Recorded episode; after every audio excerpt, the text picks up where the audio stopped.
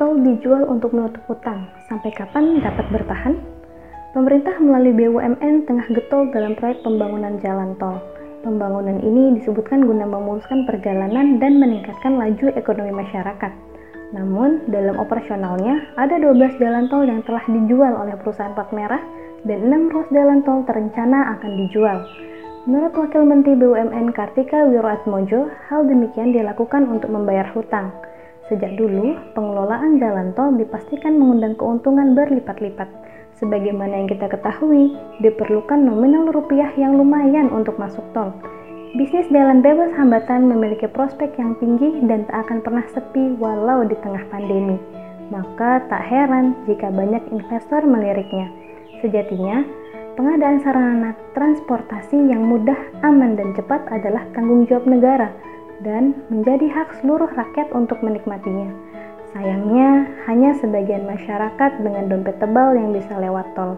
Bahkan, fasilitas ini dijual demi menutup hutang. Hutang BUMN yang menggunung adalah bukti bahwasanya tatanan kapitalisme gagal dalam menuntun negara mengelola kekayaannya. Hutang yang triliunan ditambah dengan opsi negara yang gali lubang tutup lubang hanya menjadikan negara yang tak kunjung mandiri. Di samping itu, pemilihan pimpinan komisaris yang disinyalir ajang bagi-bagi kursi balas budi menambah keterpurukan BUMN sebab diserahkan kepada yang bukan ahlinya. Dalam Islam, kebijakan dibuat dengan landasan syariat. Tonggak kepemimpinan harus diserahkan kepada ahlinya. Negara juga diwajibkan mengelola sumber daya alam yang melimpah ruah secara mandiri.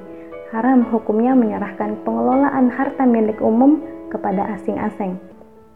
Hasilnya dapat digunakan sebagai modal dalam membangun sarana dan prasarana umum yang dapat dinikmati oleh seluruh kalangan masyarakat. Dengan demikian, BUMN tidak perlu berhutang ke mana-mana. Dengan tatanan Islam, maka aset negeri dapat dipertahankan. Sedangkan tatanan demokrasi hanya akan terus melahirkan kebijakan sesuai kepentingan. Sudah sepatutnya kita bersegera meninggalkan sistem rusak demokrasi dan menerapkan kembali Islam secara kafah. Wallahu a'lam bishawab.